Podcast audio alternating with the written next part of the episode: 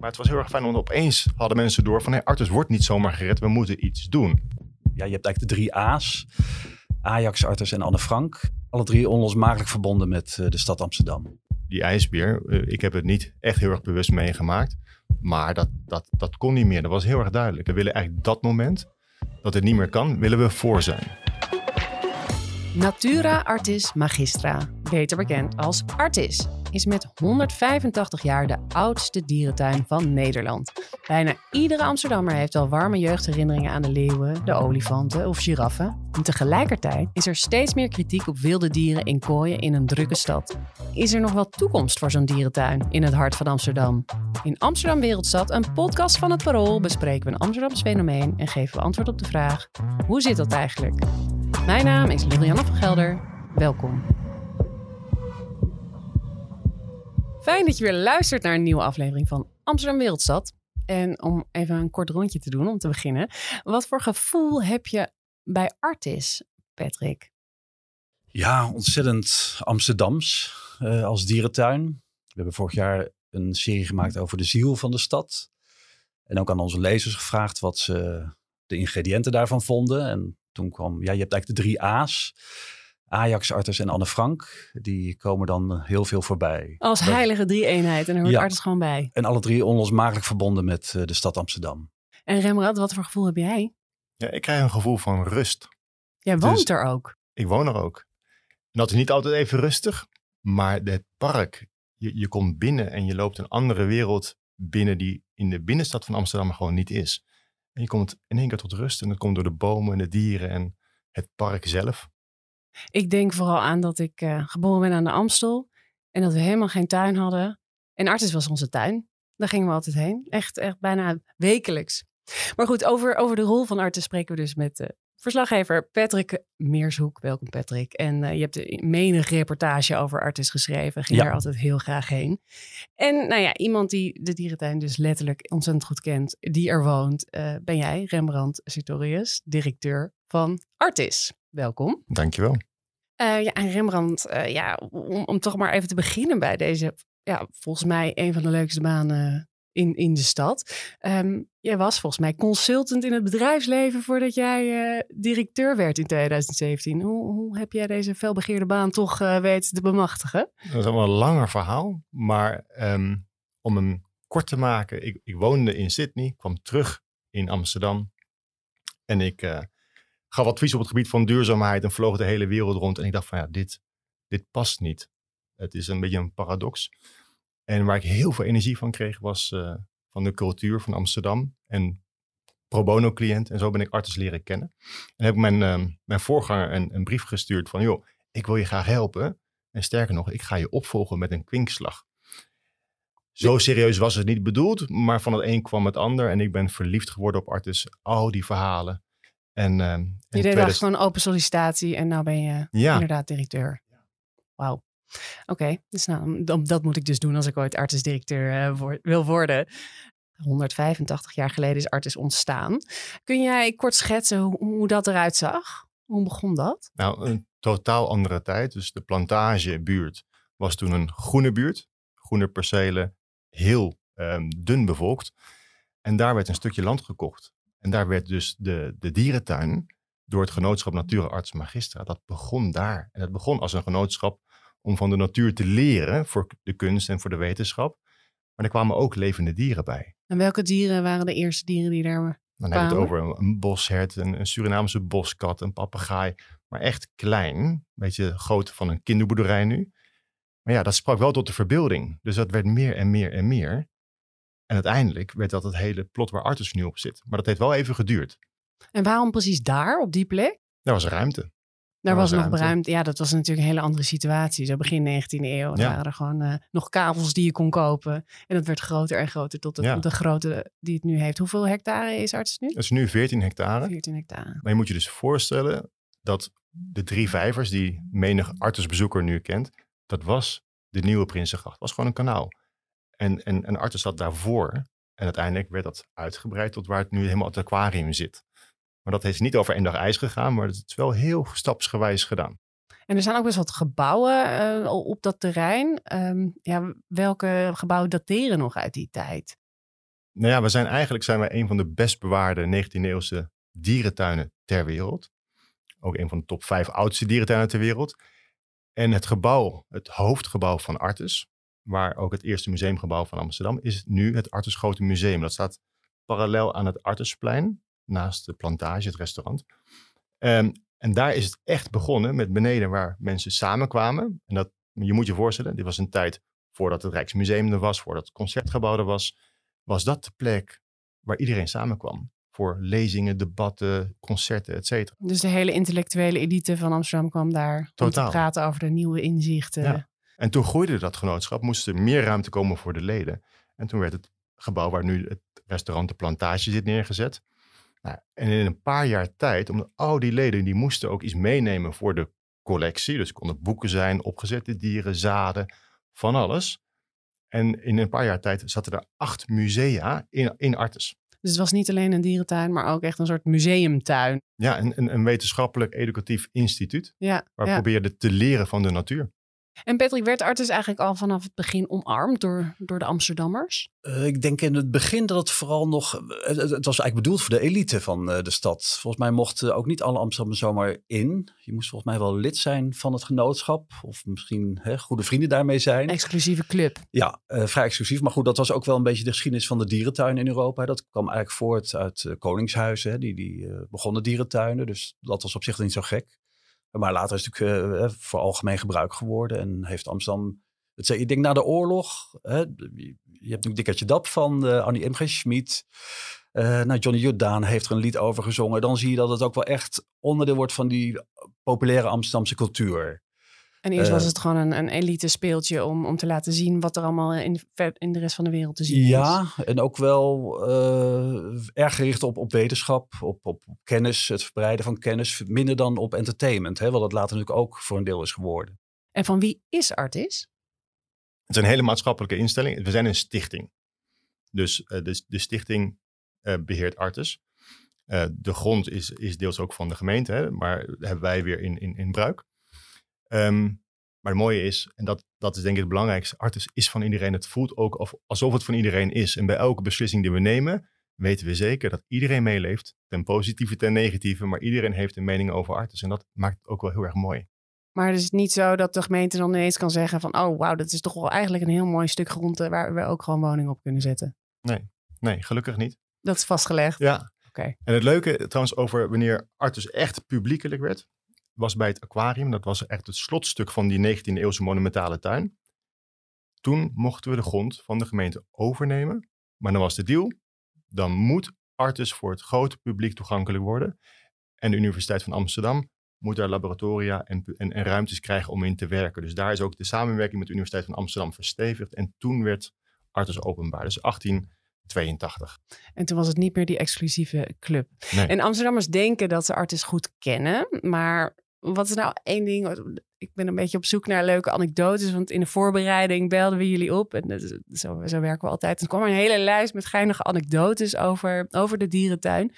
Um, onder andere bijvoorbeeld dat, dat Artis de Vicent, een soort enorme koe of buffel of zo, hè, van, van het uitsterven heeft uh, gered door een volkprogramma. Ja. Maar ook iets met uh, Charles Darwin. Wat, wat is een, um, een, een, anekdote die jij echt wel zou willen delen met het grote publiek? Van dit is, dit is nou Artis en dit weten mensen niet. Nou, ik, ik, die van de Vicent, die is echt wel iconisch. Want de, de Europese bison is het eigenlijk. Uitgestorven in het wild. Was, waren nog 54 exemplaren in dierentuinen. En toen heeft Artis het initiatief genomen, jongens, we moeten deze soort in stand houden. En met een fokprogramma, nageslacht, en uiteindelijk weer uitgezet in Europa. En daar leven nu weer duizenden dieren in Europa, die dus door dat fokprogramma behouden zijn gebleven. En nu, als je binnenkomt de Artis, waar altijd de, de, de kamelen en de ezels zaten, zit nu de algezel. Dus je komt binnen, het eerste dier wat je ziet, is een dier wat uitgestorven is in het wild. En dat zet je wel meteen aan het denken als bezoeker. En ook die dieren zijn weer door dierentuinen teruggebracht in de natuur. Wat ik leuk vind van Darwin, want in onze artsenbibliotheek, en ik zeg onze, maar de collectie wordt nu beheerd door de Universiteit van Amsterdam, daar zitten dus brieven van Darwin, met in dit geval Hugo de Vries, die corresponderen over uh, de wetenschap. Wie was Hugo de Vries? Um, een, een, bioloog. En die waren gewoon nog een brief aan het sturen? Ja, om, maar... om gewoon van elkaar te leren. En als je kijkt hoe oud wij zijn, 1838, toen was überhaupt on the origin of species door Darwin, de evolutietheorie, was er nog niet. Dus even daarvoor is Artus begonnen. En we zijn heel veel gaan leren. En wat ik een heel mooi weetje vind dat mensen ook niet weten, is dat in Artus is de natuurbescherming van Nederland begonnen. Omdat we gingen de natuur gingen ontdekken, nieuwe dieren, exotische dieren nog nooit gezien in Amsterdam. We gingen ze bestuderen. En met dat bestuderen werd die zorg ook steeds groter. En toen in 1905 is de Vereniging Natuurmonumenten opgericht. Om in dat geval naar de meer ook meteen te beschermen. Maar is allemaal in Artes begonnen. Ja, dat is eigenlijk wel een mooi contrast. Hè? Want zo stads als een dierentuin ook is, is het dus ook wel de, ja, de natuur die, die ons noopte tot, tot actie eigenlijk. Om echt de natuur te beschermen. Ook al is het in zo'n mega stadse omgeving. Ja. Dat is wel een interessant gegeven. Patrick, heb jij een, een, een anekdote waar jij meteen aan denkt? Eh, ja, er is een paar jaar geleden een heel mooi boek eh, verschenen over olifant Jack. eh, een van de oudste bewoners. Een van de eerste bewoners moet ik zeggen van Artis. Dat was volgens mij een circusolifant of een olifant van een reizende tentoonstelling. Die op een gegeven moment ook Amsterdam aandeed. En dat ging allemaal niet zo goed. Dus toen kon Artis hem eh, overnemen. En wat ik heel bijzonder vind, omdat je dan ja, heel goed ziet hoe het denken over dieren is veranderd in die tijd. hè. Hij eh, stond aan een ketting in een paaltje en dat werd elke dag weer ergens anders eh, neergeslagen. Dus dan kon je er langs. Het moet voor mensen een fantastisch groot gezicht zijn geweest. Wat voor olifant was het? Eh Aziatische olifant, zeg ik uit mijn hoofd. Ja. Ehm, en eh, kijk, als je dat vergelijkt met hoe nu het olifantenverblijf in Artis eh, state of the art eigenlijk is geworden. Een van de grootste verblijven inmiddels. Ja, met heel veel mogelijkheden voor de dieren om Ja. die verrijking eh, te vinden. Eh, dan zie je ook hoe een dierentuin zich ontwikkelt Ja. eh, in die tijd. Ja, het- daar gaan we het zeker ook nog over hebben. Hoe leuk. dat enorm is veranderd. Begin deze eeuw ging het helemaal niet zo goed met Artis. Wat was er toen aan de hand, Patrick? Eh, ja, dat is eh, rond het jaar 2000 geweest. Eh, toen ging het inderdaad slecht met Artis tegen van Mhm. de bezoekerscijfers. En een dierentuin is ontzettend duur om goed te laten draaien. Ehm, ja, wat heel interessant is, is eigenlijk ook wel een keerpunt geworden voor Artis. Want voor die tijd was Maarten Frankenhuis directeur. Hij was eigenlijk de laatste klassieke dierentuindirecteur, kun je zeggen. Eh, hij kwam uit de diergeneeskunde, dus hè, rolde eigenlijk automatisch een beetje zo in dat eh, wereldje. Eh, maar hij werd opgevolgd door Haik Balian. En dat was een filmproducent.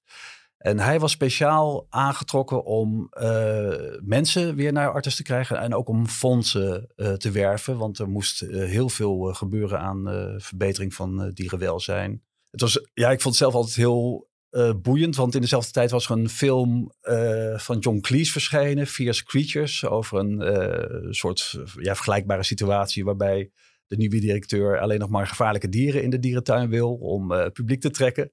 Want daar houden mensen van. Ja, Ehm, eh, maar dat heeft Hayek toch niet gedaan. Hij heeft eh, wel Artis de Partis geïntroduceerd. Oh ja. Populaire knuffel. Eh, dus hij heeft wel alles gedaan om Artis weer meer onder de mensen te brengen, denk ik. Ja, En, hij, eh, moest, hij moest een hele grote transformatie van die dierentuin om hem weer publieks aantrekkelijk te maken. Want het was een beetje weggeëpt. Ja. Dus Artis de Partus was een vondst om iets te creëren wat er niet was. Waar Mhm. heel veel aandacht naar ging. En ondertussen kon je dan stukken van die tuin afzetten om te gaan verbouwen. Dus hij heeft, daar, hij heeft een hele grote transformatie ingezet. Die eigenlijk nog steeds gaande is. Maar dat was, echt wel, was toen echt broodnodig. Ja, en ook al niet de meest voor de hand liggende dierentuindirecteur, eigenlijk een filmmaker. En jij een, een Ja, uiteindelijk kan je alles zo spinnen dat het wel zo is. Hij was natuurlijk verhalen vertellen puur zang vanuit de film. En, en het belangrijkste wat we doen met Artis is verhalen vertellen aan een heel groot publiek. En en er is ook flink uitgebreid eh, en, en inderdaad een, andere koers gevaren. Je hebt het al over verhalen vertellen. Kun, kun je dat uitleggen, wat, wat die veranderende koers was? Want het was dus niet meer echt alleen maar dat entertainment van eh, leuk diertjes kijken. Ja, je hebt eigenlijk een paar, paar fases. Dus bij het begin was het ontzettend wetenschappelijk. Het, het, echt het leren ontdekken van de natuur. Er is een heel mooi boek uitgekomen bij de Artsbibliotheek. De ontdekking van de natuur, aanrader.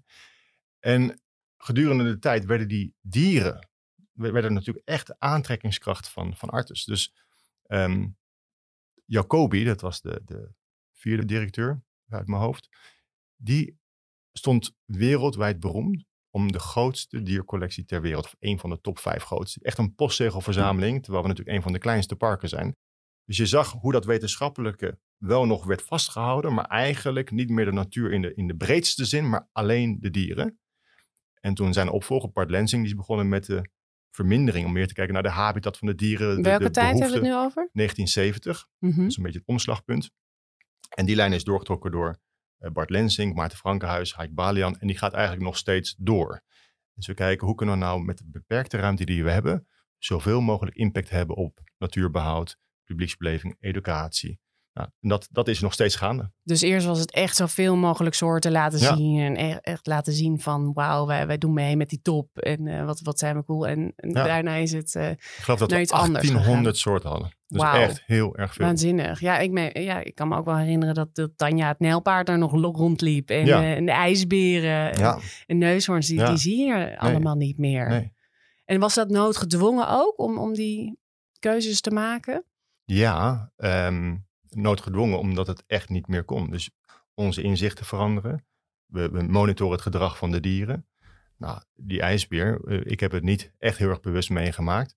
Maar dat, dat, dat kon niet meer. Dat was heel erg duidelijk. En, Ja. en we willen eigenlijk dat moment, dat het niet meer kan, willen we voor zijn. En daarom was dat leeuwenverhaal ook zo'n apart verhaal voor veel mensen om te begrijpen. Ik had zelfs eh, interviewers uit, eh, van de Belgische radio. En die kon ik niet uitleggen dat we nog wel geld hadden voor eten, maar toch de leeuwen weg gingen doen omdat we geen geld hadden voor een nieuw verblijf. Ja, want vertel daar eens, dat was in de coronacrisis, de, de leeuwen die, die werden uiteindelijk gered door de Amsterdammers, maar in eerste instantie moesten de leeuwen weg midden Ja. in de coronacrisis, omdat het, het verblijf niet meer voldeed. Nou, wat Patrick net al zei, een dierentuin kost heel veel geld, omdat er van alles te doen is. We hebben ook nog een hele monumentale tuin, dus het ging om 60.000 euro per dag. En de Dat, maatschappij, dat, dat, dat vloeide gewoon dat weg. vloeit weg. Elke Ja. dag dat er geen inkomsten Ja. zijn, ben je dat kwijt. En de maatschappij dacht van ja, artis, too big to fail. Maar ja, zolang niemand iets doet, then we will fail. Dus uiteindelijk eh, hebben we gezegd, oké, als al die wegvallende inkomsten, en dat ging uiteindelijk om 20 miljoen, als niemand dat gaat compenseren en we moesten al reorganiseren, mensen laten gaan, dan betekent dat we de verruiming van het leeuwenverblijf, wat we op de agenda hadden staan, pas over meer dan 10 jaar zouden kunnen doen. En alle andere verblijven, want we hebben nog een aantal andere verblijven die we willen aanpakken, om echt een moderne dierentuin te zijn en niet achter de feiten aan te lopen, die zijn dan nog verder weg. Nou, dat is niet acceptabel. En toen hebben we gezegd, dan gaan de leeuwen dus weg. Pijn in ons hart, want leeuwen horen al meer dan 100 jaar bij Artes. En dus Die, zitten, die staan op dat beroemde Kerberterras. Als ik met mijn kinderen naar Artes ga, dan is dat, dat is ook al het eerste waar ze naartoe willen. Ja, tuurlijk, ja. Ja, de leeuwen, dat Ja. is natuurlijk echt het tofste om te zien. Maar dat, was, dat voldeed gewoon echt niet meer. Dat is best wel een, inderdaad een vrij klein verblijf. Ja. En dat, eh, dat was niet meer haalbaar. En toen hebben jullie aangekondigd, ze moeten weg. En, en nou ja, de, de, hele stad eh, stond op springen ongeveer. Heel erg fijn. Want ik, ik denk dat ik wel 30 interviews voor dat eh, terras heb gedaan op één dag. Dus die aandacht was ontzettend groot. Maar het was heel erg fijn, want opeens hadden mensen door van... Hey, Artus wordt niet zomaar gered, we moeten iets doen. Nou, en dan minister aan de telefoon. Er werd uiteindelijk een regeling voor de dierentuinen gemaakt. Er kwamen dus eh, twee partijen die, die die leeuwen ook echt in Artus eh, gingen behouden. Ehm, die bij het begin eerst om af te tasten, zijn deze mensen echt. En ik heb ook belletjes gekregen uit Singapore. En allemaal, allemaal nep ehm, donateurs. Maar ehm, uiteindelijk bleken deze echt heel erg betrokken te zijn. En daarnaast hadden we 27.000 mensen die allemaal tikkies hadden gestuurd. ehm, met kleine bedragen in twee weken. Dus dan zie je hoe groot die, dat draagvlak is in Amsterdam. Voor toch wel een van de meest geliefde plekken van Amsterdam. Toch die, die heilige drie-eenheid. Ja. Dus nu, nu kan dat terras, of in ieder geval dat verblijf, dus echt eh, veranderd worden en verbouwd. Ja, en, dus eh, na de zomer wordt dat verblijf opgeleverd. En dat ziet er waanzinnig uit. Maar Patrick, dat, dat, dat geeft ook wel heel erg aan hoe wij kijken naar, naar dieren. Dat, dat Ja, we het niet meer ja. acceptabel vinden eigenlijk. Dat eh, leeuwen op zo'n klein eh, oppervlak rond eh, moeten lopen. Hoe, hoe is eh, de positie van dieren eigenlijk veranderd in de afgelopen jaren? Dat vind ik zelf een heel interessant verhaal, want eh, we denken vaak dat dat iets van lange termijn is. Maar eigenlijk, een paar weken geleden heeft Jane Goodall in Den Haag een hoge onderscheiding gekregen. En, Beroemde eh, biologen. Ja, in de jaren 50 eh, was zij eh, de secretaresse van Louis Leakey. Dat was een beroemde paleontoloog. Die was altijd op zoek naar de missing link tussen mens en dier. En hij dacht daarbij onmiddellijk, eh, heel logisch natuurlijk, aan de mensenapen. En heeft toen eh, drie vrouwen eh, ja, letterlijk het bos ingestuurd. In eh, Tanzania, in Rwanda en in Borneo. Om de verschillende mensenapen te onderzoeken. En Jane Goodall die kwam als het eerste terug met toch wel wetenschappelijk bewijs. Dat apen gebruik maken van instrumenten. Dat deden ze met een strootje om termieten uit een heuveltje te vissen. En dat was eigenlijk het bewijs van, als ze dat kunnen, dan zijn ze veel minder ver van ons verwijderd dan we denken. Want voor die tijd stond echt een enorme muur tussen de mens en alle andere dieren. En eigenlijk sindsdien, dat is natuurlijk langzaam gegaan, uh, zijn we gaan inzien dat we eigenlijk onderdeel zijn van dezelfde wereld en ook deel uitmaken van dezelfde natuur. In plaats van alleen maar vanuit wij zijn superieur en die dieren zijn uh, ja, inferieur ja. misschien. En wat ik zelf uh, altijd indrukwekkend vind, want in 2010 meen ik heeft Amsterdam bijvoorbeeld circusdieren verboden in de banden gedaan. de levende kerstol is niet meer welkom in Amsterdam met, met de ezeltjes en de geitjes dat komt allemaal voort uit, uit dat uh, besef eigenlijk. En dat, ja, dat zie je steeds meer om je heen. Uh, hè, als, je, als je vindt dat mensen en dieren tot, dezelfde, uh, tot hetzelfde milieu behoren, ja, dan moet je ook wel goed voor ze zijn. Hè? We hebben zelfs een Partij voor de Dieren. Ja, en die heeft veel invloed in de stad. Ja, ja. ja.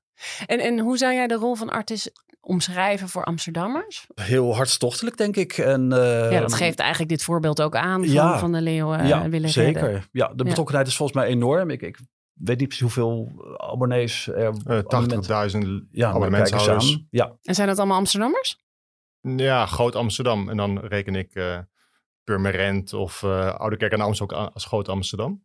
80.000 ja. abonnementshouders. Ja. En hoe verhoudt dat zich dan tot toeristen? Want ja, je, soms heb je ook het idee dat in ieder geval, ik kom best vaak in de artist dat er eh, veel toeristen rondlopen. Tot, totdat jullie het rookverbod hadden. Die stonden ze daar ook lekker blauwend voor de, voor de olifanten te chillen. Ja, zo. een hele fijne plek denk ik daarvoor. Maar dat, dat kan niet meer.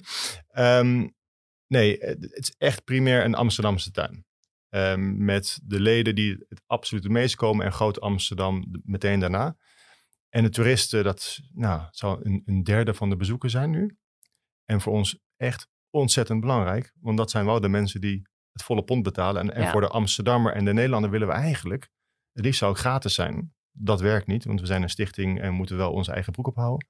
Um, maar die proberen, die proberen zo laag mogelijk in te steken. Dus toeristen zijn wel degelijk belangrijk, maar het blijft een hele Amsterdamse tuin. Ja, maar je zou ergens ook ja, kunnen betogen inmiddels dat we die educatieve functie van ja, heel veel verschillende dieren kunnen zien of uh, de natuur van dichtbij meemaken in een stadsomgeving, dat we die inmiddels ook wel gewoon door virtual reality of internet of goede documentaires kunnen meepakken. Hoe, zie jij dat bij Artis uh, als, als rol? Is, is, is dat echt nog zo'n belangrijke functie van Artis, dat, dat educatieve? Ik denk nog steeds een van de allerbelangrijkste. We zeggen vaak, hè, dierentuinen zijn er voor educatie, voor natuurbehoud, projecten en fokprogramma's um, en, en, onderzoek.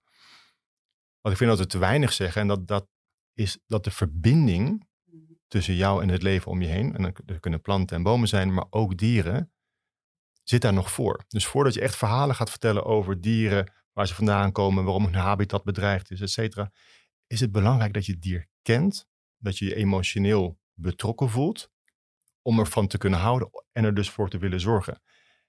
En één ding weet ik heel erg zeker, is dat dat, dat zintuigelijke contact in Artis, dat een dier ook terugkijkt, dat je gewoon stilstaat en niet alleen maar in een narrative van een documentaire wordt meegenomen, is niet hetzelfde. Het is veel emotioneler als jij met je kleinkind voor de olifanten staat, olifanten kijken terug, er gebeurt iets. Dat maakt een, ik noem het even Engels, imprint on your soul. En dat gaat nooit vervangen kunnen worden door uh, hologrammen, virtual reality, artificial intelligence. Dit is juist wat het leven zo mooi maakt. En ik denk dat het juist relevanter is dan ooit dat die verbinding gepakt wordt.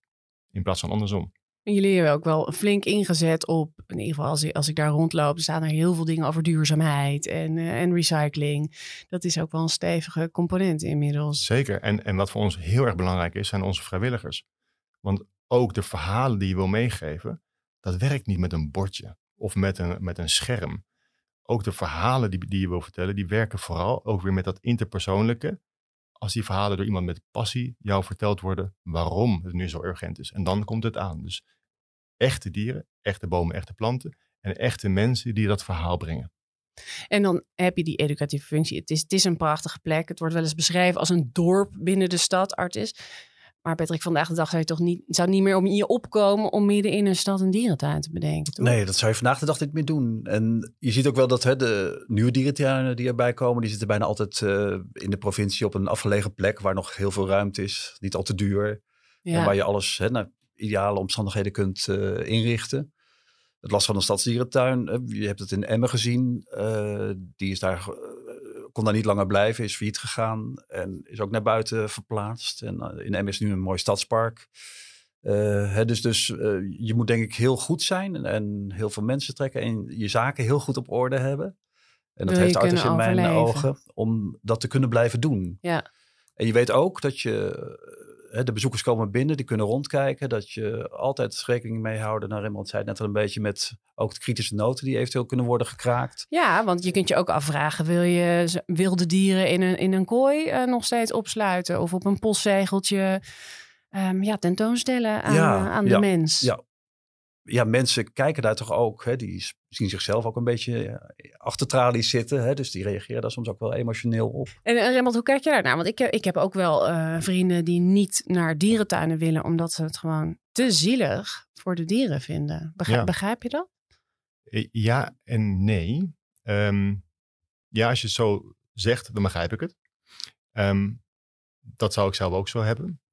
Het grappige is dat onze meest betrokken donateurs, onze meest betrokken partners, die waren allemaal heel lang niet meer in, in, in Artis geweest. En die hadden ook zo'n beeld van, ja, het is toch allemaal zielig. En, en die hebben ook een beeld van Artis van 15 jaar geleden. Dan had je nog de oude roofdierengalerij en dan liep zo'n panter liep dan rondjes. Dat was stereotyp gedrag. Dierenwelzijn technisch niet goed.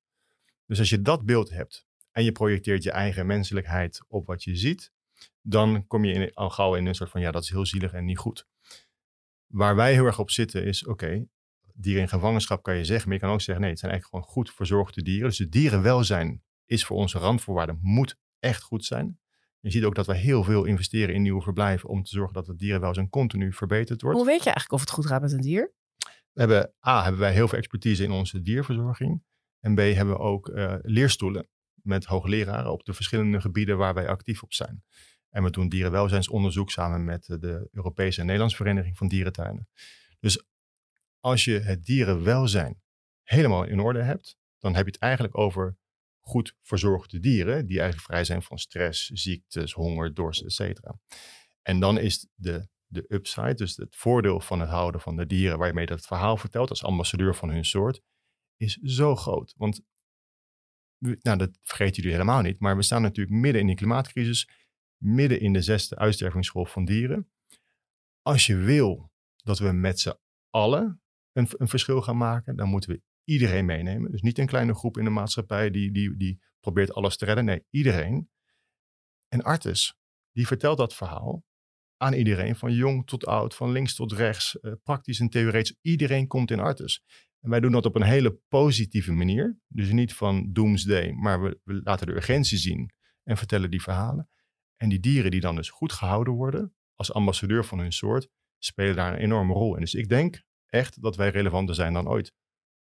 Ja, je kunt, uh, als je op vakantie bent in Frankrijk en Spanje, dan kom je nog wel eens zo'n klassieke dierentuin tegen. En dat is echt geen uh, fijn gezicht meer. Onvergelijkbaar. Dat, ja, dat kan echt niet meer.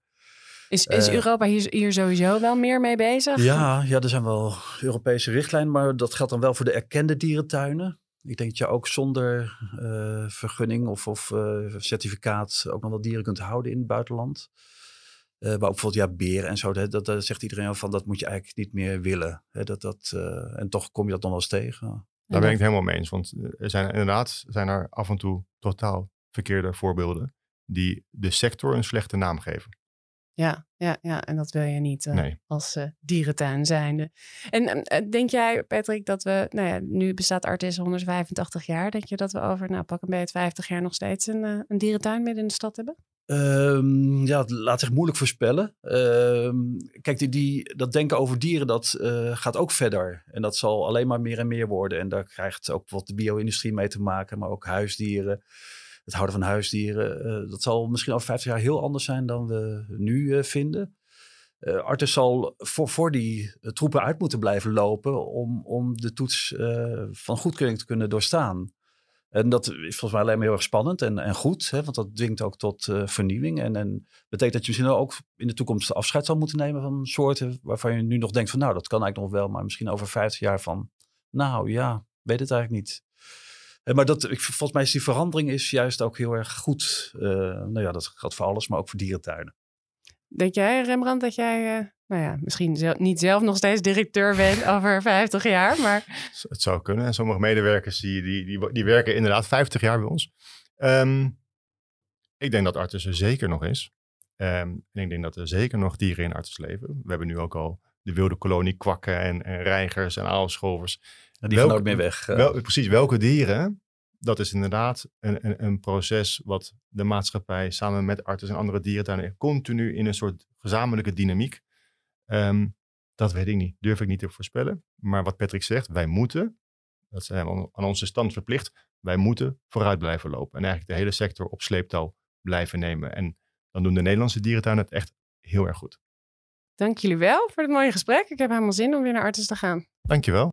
Dankjewel Patrick Weershoek en uh, Rembrandt Sutorius. Dit was Amsterdam Wereldstad, een podcast van het Parool. En de productie en montage van deze aflevering was van Marijne Bijen. De eindredactie werd gedaan door Josien Wolthuizen. Rinky Bartels maakte de muziek en het fijne artwork is van Sjoukje Bierma.